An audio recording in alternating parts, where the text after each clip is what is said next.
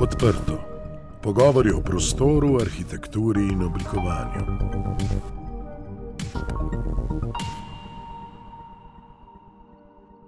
Pozdravljeni v podkastu Odprto. Tokrat v oddaji gostimo Igorja Marasoviča iz biroja Marasovič Arhitekti. Marasovič Arhitekti so arhitekturni biro, ki ga vodita Igor Marasovič in Gaja Brulc. Delujejo na področju urbanizma, gradbenega projektiranja, prenov in notranje opreme. Našo pozornost so sprva zbudili s prenovami stanovanj, s svojo subtilnostjo za materijale in občutkom za oblikovanje, za okroženo z domišljeno funkcionalnostjo. Sami zase pravijo: Vsak projekt je edinstvena in logična materializacija značilnosti gradbišča, potreb naročnika in arhitekturnega jezika našega studia. Letos je Zbornica za arhitekturo in prostor Slovenije poskusno uvedla regijski predizbor nominacij za zlate svinčnike. Strokovna komisija je izmed vseh prispelih del iz vsake regije nominirala največ tri realizacije, ki so se kot predstavniki svojih regij potegovali za nagrado Zlati svinčnik. V regiji Koper so edino nominacijo prejeli Marasovič arhitekti: Igor Marasovič, Gaja Brulc, Blaž Škorjanc, Ana Doles, Taja Fischer in dr. Marko Dobrilovič za krajinsko arhitekturo za muzejski trg v Kopru. Tudi sicer se glavnina realiziranih projektov biroja Marasovič arhitekti navezuje na obaljno mesto. Z vami sem Lenka Kavčič. Igor, pozdravljen. Pozdravljena. Začniva uh, kar pri muzejskem trgu, ki je nastal kot zaključni del podzemne parkirne hiše Belveder na mestu nekdanje osnovne šole. Uh, zakaj je bila ta izvedba tako zahtevna? No, projekt se nahaja na strehi parkirne hiše in uh, je že zaradi tega sam po sebi zahteven.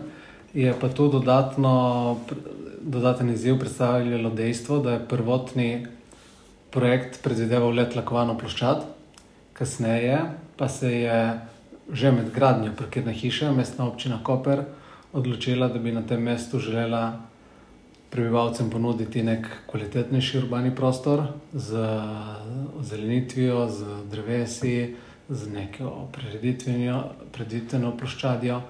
In um, tako so se tudi potem lotili iskanja neke nove ideje in rešitve. Torej, hkrati pa je primankovalo prostora za zasaditev dreves, torej višina zemljine ni bila zadostna. Če bi jo pa večali, bi pa preveč obtežili streho garažne hiše. Tako da največji izziv je bil ravno iskanje tega ravnovesja med uh, statičnimi omejitvami, funkcionalno in estetsko obliko trga in uh, združitev vsega tega, tako da ne bi to zgledal samo en kompromis, ampak en projekt, tak, kot si zasluži, tako kot če bi bil od začetka tako zamišljen. Torej, zanima me, kljub vsem tehničnim dejstvom, ki si jih naštel, ste se izognili klasičnim zatravljenim površinam, kar bi v bistvu najenostavnejšo znižali to uh, višino zemljine, ki jo potrebujejo drevesa. Odločili ste se za posebno vrsto dreves. Kakšen je bil razmislek tukaj? Uh, no, drži. Mi smo mm, zelenje tako doživljamo v nekem urbanem okolju, uh, kot nekaj, kar lahko ima vsaj dve uh, funkciji državljanski. Torej, kot nekaj, kar ima uh, nek vizualni doprinos, torej, da se ljudje nahajajo na neki utrjeni, tlakovani površini in to zelenje okrog njih. Samo ponuja ta stik z naravo, ali pa nekaj bolj imersivnega, v kar se obiskovalca povabi in da je bolj prepreden s tem zelenjem. Ko smo opazovali, kaj se v Kopru večinoma dogaja, smo videli, da velike travnate površine so prazne, zato ker izprehajajo k večjemu posamezniki s psi. Ne doživimo pa tega, utripa, ki je mogoče bolj značilen za druga evropska mesta, ker so tu pikniki, ljudje malcajo, se kar uležejo v travo in tako naprej. Torej, zdelo se je vedno, da travnata površina je nekako off-limits. Uh, in da torej ne gremo v ta sistem zelenja z potko, ampak širimo poti in vmes pa ustvarjamo večje zelene otoke. In odločili smo se, da jih uh, zasadimo z grmovnicami, trajnicami, prav zato, da to grmiče raste v višino in se um, torej obiskovalcu vizualno med sabo vse te zelenja povežejo. Torej, te poti so zakrite, ko pa se spustim v zelenje, se mi odpirajo in lahko med njimi uh, potujem in si pol izberem recimo svoj kotiček. Vmes pa smo namestili tudi tako velike lesene klopi, ki so se jih delavci med izvedbo pomenovali ležalniki, veliki so 6x3 metre. In te so pa čisto uh, potisnjene notri v zelenje, tako da lahko torej podoživim tudi to, recimo, evropsko izkušnjo, ne? da ležim v zelenju, ampak v tem primeru ni skrbi, da bi se umazal ali pa da bi stopil na pasi strebek, kar se drugače skrbi, ko pričane. So zaskrbljeni. Se pravi, pogoje za oblikovanje javnih površin je dal Zavod za varstvo kulturne dediščine. Glede na to, da Koper je mediteransko mesto, da je klima vedno bolj intenzivna, da temperature so večje, seveda se moramo pri oblikovanju javnih površin zavedati tudi specifične rabe materijalov. Kako je s tem v Kopru? No, tradicionalno dajo Kopru to značilno podobo mešanica sivega peščenjaka in svetlih apnencev. Uh, tako da tudi to je bilo uh, smernica zavoda pri tem projektu. Dejansko pa se zaradi visokega stroška ta, teh materijalov te ne more uporabiti pri vseh prenovah, ki jih uh, Koper ima, tako da so uh, javne površine razdeljene v kategorije po pomembnosti in so drugo dopust, dopustna uporaba tudi naprimer betonskih tlakovcev, asfalta betonu in tako naprej. Je pa dejstvo, da bo treba v luči klimatskih sprememb premisliti, kako naprej se, se vsi ti materiali, predvsem pa tudi kamen, čez dan izjemno pregrevajo in potem tudi po noči oddajajo toploto nazaj. V današnjem času skoraj da ne moremo mimo odgovornosti, ki jo nosi arhitektura, vezana predvsem na gradbeništvo, ne, ki ima v današnjem času kar veliko breme uh, izpustov CO2, kar pomeni, da je celotno, uh, celotne novogradnje in celotna industrija zelo povezana z klimatskim vprašanjem in za spremenjajočo se ekonomijo in materijali. Pa me zanima, kako se ti osebno, kot arhitekt, vodja projektov, soočaš s to odgovornostjo, oziroma kje vidiš.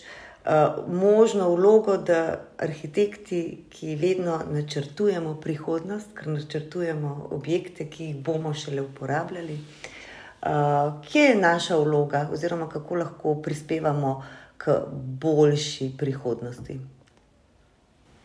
Mislim, da je naloga arhitektov, seveda, da čutijo to odgovornost ne, in se skladno s tem tudi odzivajo, ampak tudi da m, pogledajo, da gledamo na stvar celovito in uh, širše, ne pa samo v, z vidika recimo, nekih trendov, ki so zdaj zelo popularni.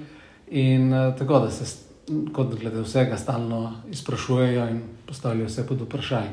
Tako da, naprimer, mogoče tudi to je bil en razlog, zakaj nismo uporabili trave, ker zahteva intenzivno zalivanje pa tudi namakalni sistem na muzejskem trgu, prvo črpa podtalnico, ko je to možno. To so take, recimo, majhni vidiki, s katerimi smo se mi tu soočali in poskušali usmisliti tudi ta vidik. Ampak um, tako bojim se, da samo uporaba debelih izolacij ali pa vključevanje vem, zelenih sten v interjerje javnih stavb ne bo. Eh, rešilo problema. Tako, mislim, da je treba bolj celovito gledati, premisliti že na nivoju urbanizma, eh, bolj smiselno razporejati infrastrukturo, javni prevoz, združevati ponovno skupaj stavbe, ne se mogoče odpovedati temu točkovni ideji graditve in tako naprej. No. To je sigurno velik izziv, ki je pred nami. Vedno več uh, govorimo tudi o prenovah. Uh, tudi vi ste prenovili, vaš studio je prenovil turistično-informacijski center v pritličnih prostorih Pretorske palače. Uh, ta palača pa spada med osrednje uh, arhitekturne spomenike Kopra. Uh, kako se lotevate teh uh, zelo občutljivih uh, posegov, mislim, posegov v zelo občutljiv prostor, ki nosijo neko zelo mogočno časovno in kulturno sporočilo? No, v Kopru je ta, to breme, te odgovornosti vse skozi prisotno. Vedno delamo, oziroma večinoma delamo v stavbah, v katerih je čutiti več stoletno zgodovino in recimo ta nek smisel graditeljstva, nekoč nekih ljudi, ki so te prostore uporabljali. Tako da v predorski palači, ki pa je en srednjih spomenikov, še toliko bolj.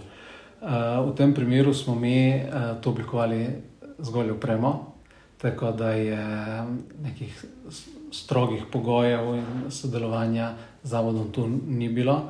Je pa ta oprema oblikovana tako, da se posod odmika od uh, obstoječe strukture, da tudi je poenotena, barvno, vidna kot nek dodatek v prostoru.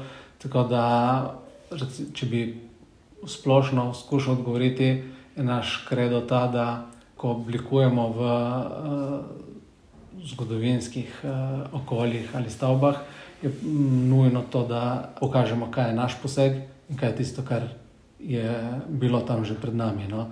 Zdi se mi narobe, ko se poustvarja zgodovina in se danes posnema nekatere tehnike iz preteklosti, kar bolj predvidevam pošilja mešane signale za namcem, ki bojo odkrivali te prostore. Tvoja žena, eh, Gaja Brulc, sta se odločila, da tudi svoje lastno stanovanje ne zgradita na novo, van, ampak ga preuredita in obnovita obstoječe stanovanje, ki se nahaja že v Mihajlovi stolpnici v Kopru. Kako pa je uh, bilo s to prenovo? No, mi smo v tem stanovanju sva živela nekaj let, predno sva se odločila za prenovo. Do takrat sva imela vso, vse pohištvo tako zelo premično, mizo na kozah, par tako začasno postavljenih luči. In tudi takrat so se notri dobro počutila, ob, umaknili smo nekaj sten, eh, da smo začutili, kako se najboljše v tem prostoru premikamo, kako deluje svetloba. In ko v nekem trenutku, ko se je zdelo, da, da veva, kaj, kaj bo najbolje, kaj želiva, so se tudi te prenove lotila.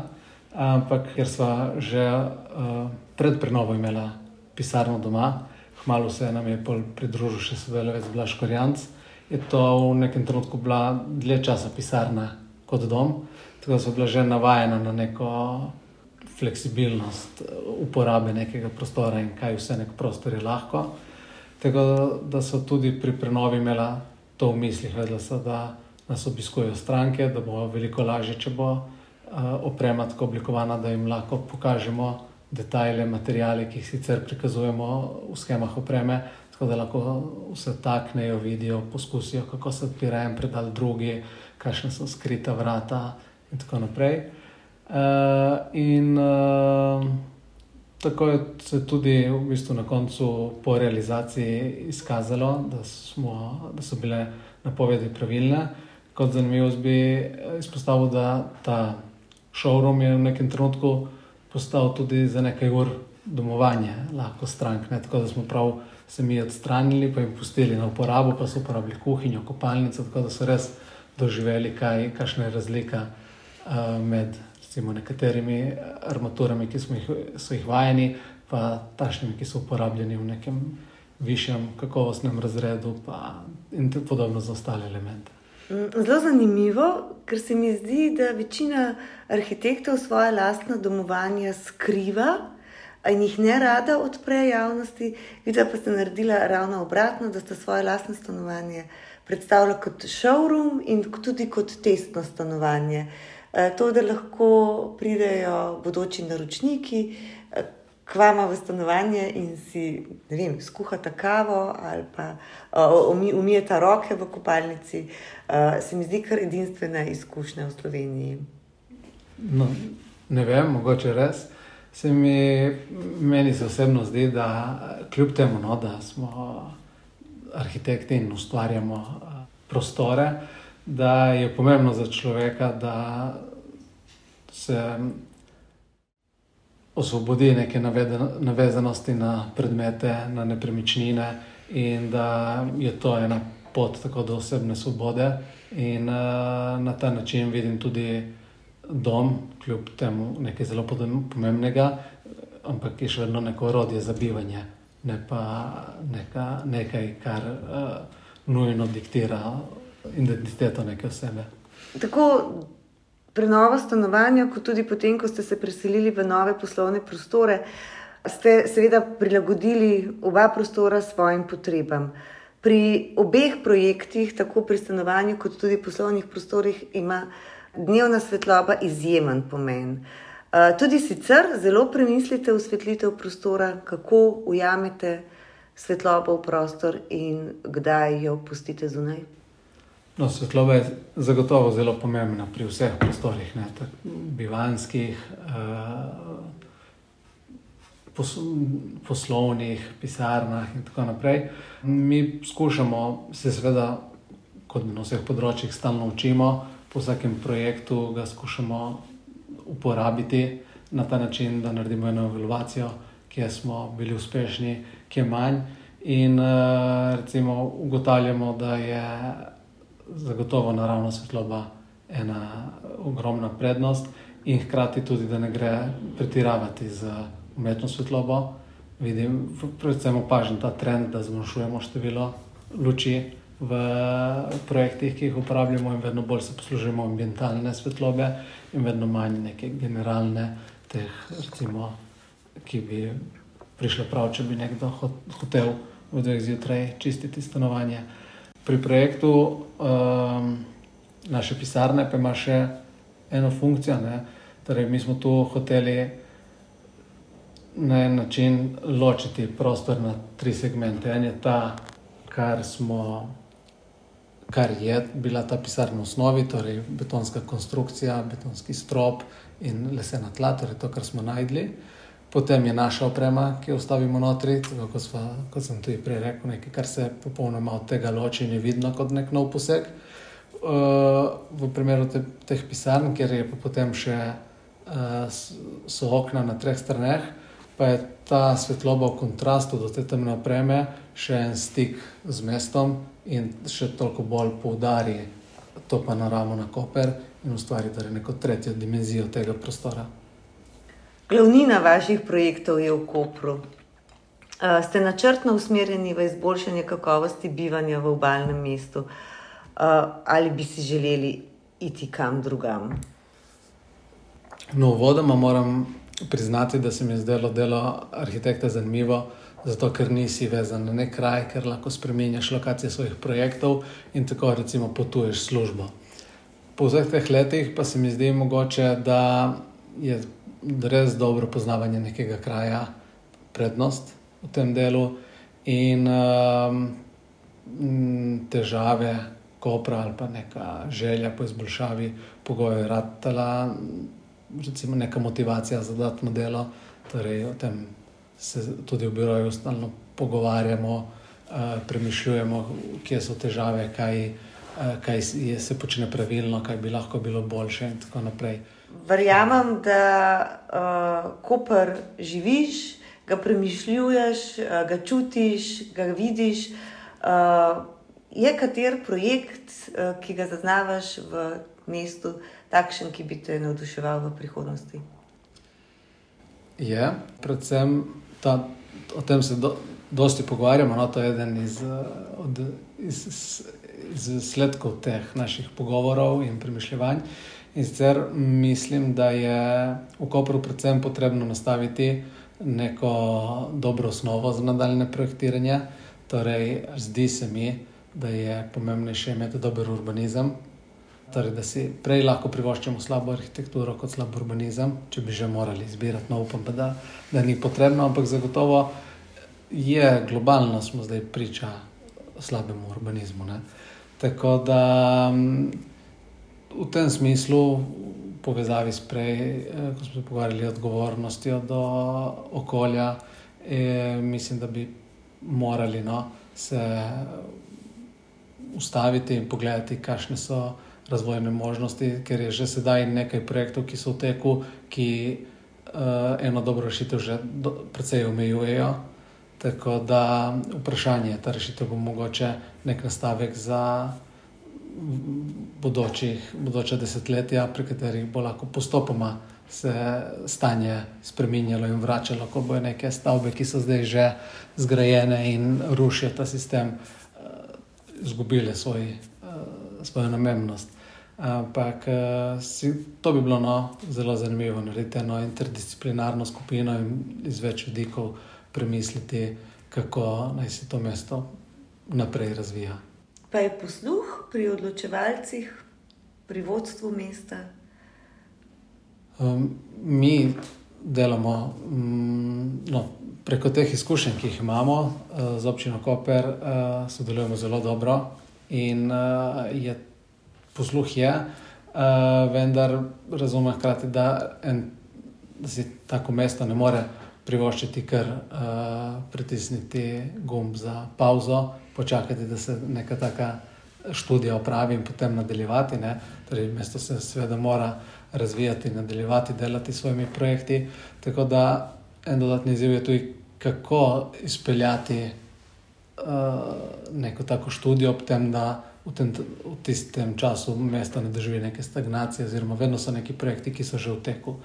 Zdi se mi, da je trenutno za mesto dober trenutek iz vidika uh, vodstva za tak posluh in za tak dialog. Značilno je, da s svojimi projekti preskakujete v različne merila. Delujete na nivoju mesta, na nivoju uh, arhitekture in tudi na, v merilu notranje opreme. Kako, uh, kako se lotevate, oziroma ali je pristop k različnim merilom vedno enak in kaj je bistveno? No, če sem prej rekel, ne, da sem si nekoč predstavljal, da bomo uh, službo lahko potovali uh, geografsko, sem kasneje spoznal, da je mogoče uh, veselje to potovanje med merili.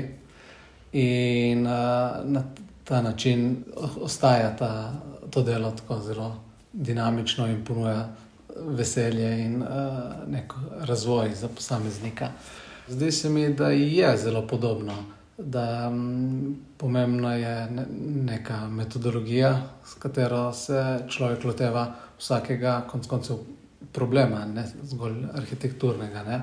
V našem delu uh, se mi trudimo ne zauzeti nekih uh, stališč, pred, uh, preden bi upravljali potrebne analize, predno bi zares spoznali prostor. No, tako da se ne, nevarno bi bilo se zaljubiti v neko idejo, ki se prva ponudi, kar dosti krat. Povzroči tudi nek, neko stopnjo razočaranja pri strankah, ki pričakujejo, da bomo že na prvem sestanku se izrazili do neke rešitve, hkrati pa skušamo razložiti, da je prav to en metodološka neka metoda, ki pa terja dosti truda, ne? da se da človek ne kar takoj, ko pride v nek prostor, nekam uh, zaide, ampak da ga skuša najprej spoznati, uh, prebrati, kaj so potrebe tega prostora, kaj so potrebe uporabnikov, kakšne so naravne danosti. Z tega vidika se mi zdi, da so urbani prostori, bivanski prostori ali pa oprema, da doživljajo nek uh, podoben proces. Tako, zdi se mi, da ste potovali tudi pri prenovi uh, Koperske kamnite hiše iz časa Beneške republike in v njej zasnovali kar tri uh, stanovanske enote. Vsa tri stanovanja so dober primer, kako porabiti višino, ko primankuje kvadratnih metrov. Torej, z vašimi projekti potujete tudi v višino. Tako je, ko je možno.